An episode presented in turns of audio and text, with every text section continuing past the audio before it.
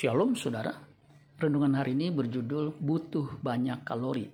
Keluaran 1 ayat 14, ayat 11 sampai 14. Sebab itu pengawas-pengawas rodi ditempatkan atas mereka untuk menindas mereka dengan kerja paksa.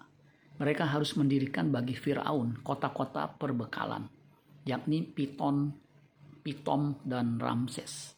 Tetapi makin ditindas, makin bertambah banyak dan berkembang mereka sehingga orang merasa takut kepada orang Israel itu.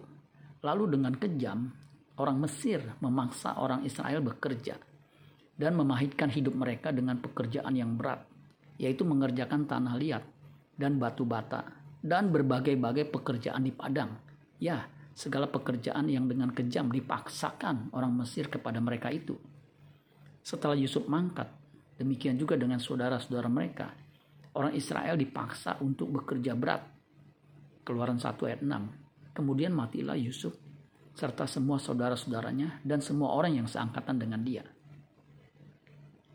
Apa akibatnya? Hidup mereka menjadi pahit. Menurut perkiraan ahli nutrisi, para pekerja dari bangsa Israel itu membutuhkan 8.000 kalori sehari untuk menunjang kerja mereka Rata-rata orang zaman now hanya perlu 1500 sampai 2000 kalori. Jadi betapa berat kerja mereka. Mengapa Firaun memerlukan tenaga mereka? Mereka harus mendirikan bagi Firaun kota-kota perbekalan, yakni Pitom dan Ramses. Yang ajaibnya, semakin ditindas, mereka semakin berkembang. Keluaran 1 ayat 12. Tetapi makin ditindas, makin bertambah banyak dan berkembang mereka sehingga orang merasa takut kepada orang Israel itu. Ternyata dalam kerohanian juga sejalan. 1 Korintus 1 Petrus 1 ayat 6 sampai 7. Bergembiralah akan hal itu. Sekalipun sekarang ini kamu seketika harus berduka cita oleh berbagai-bagai pencobaan.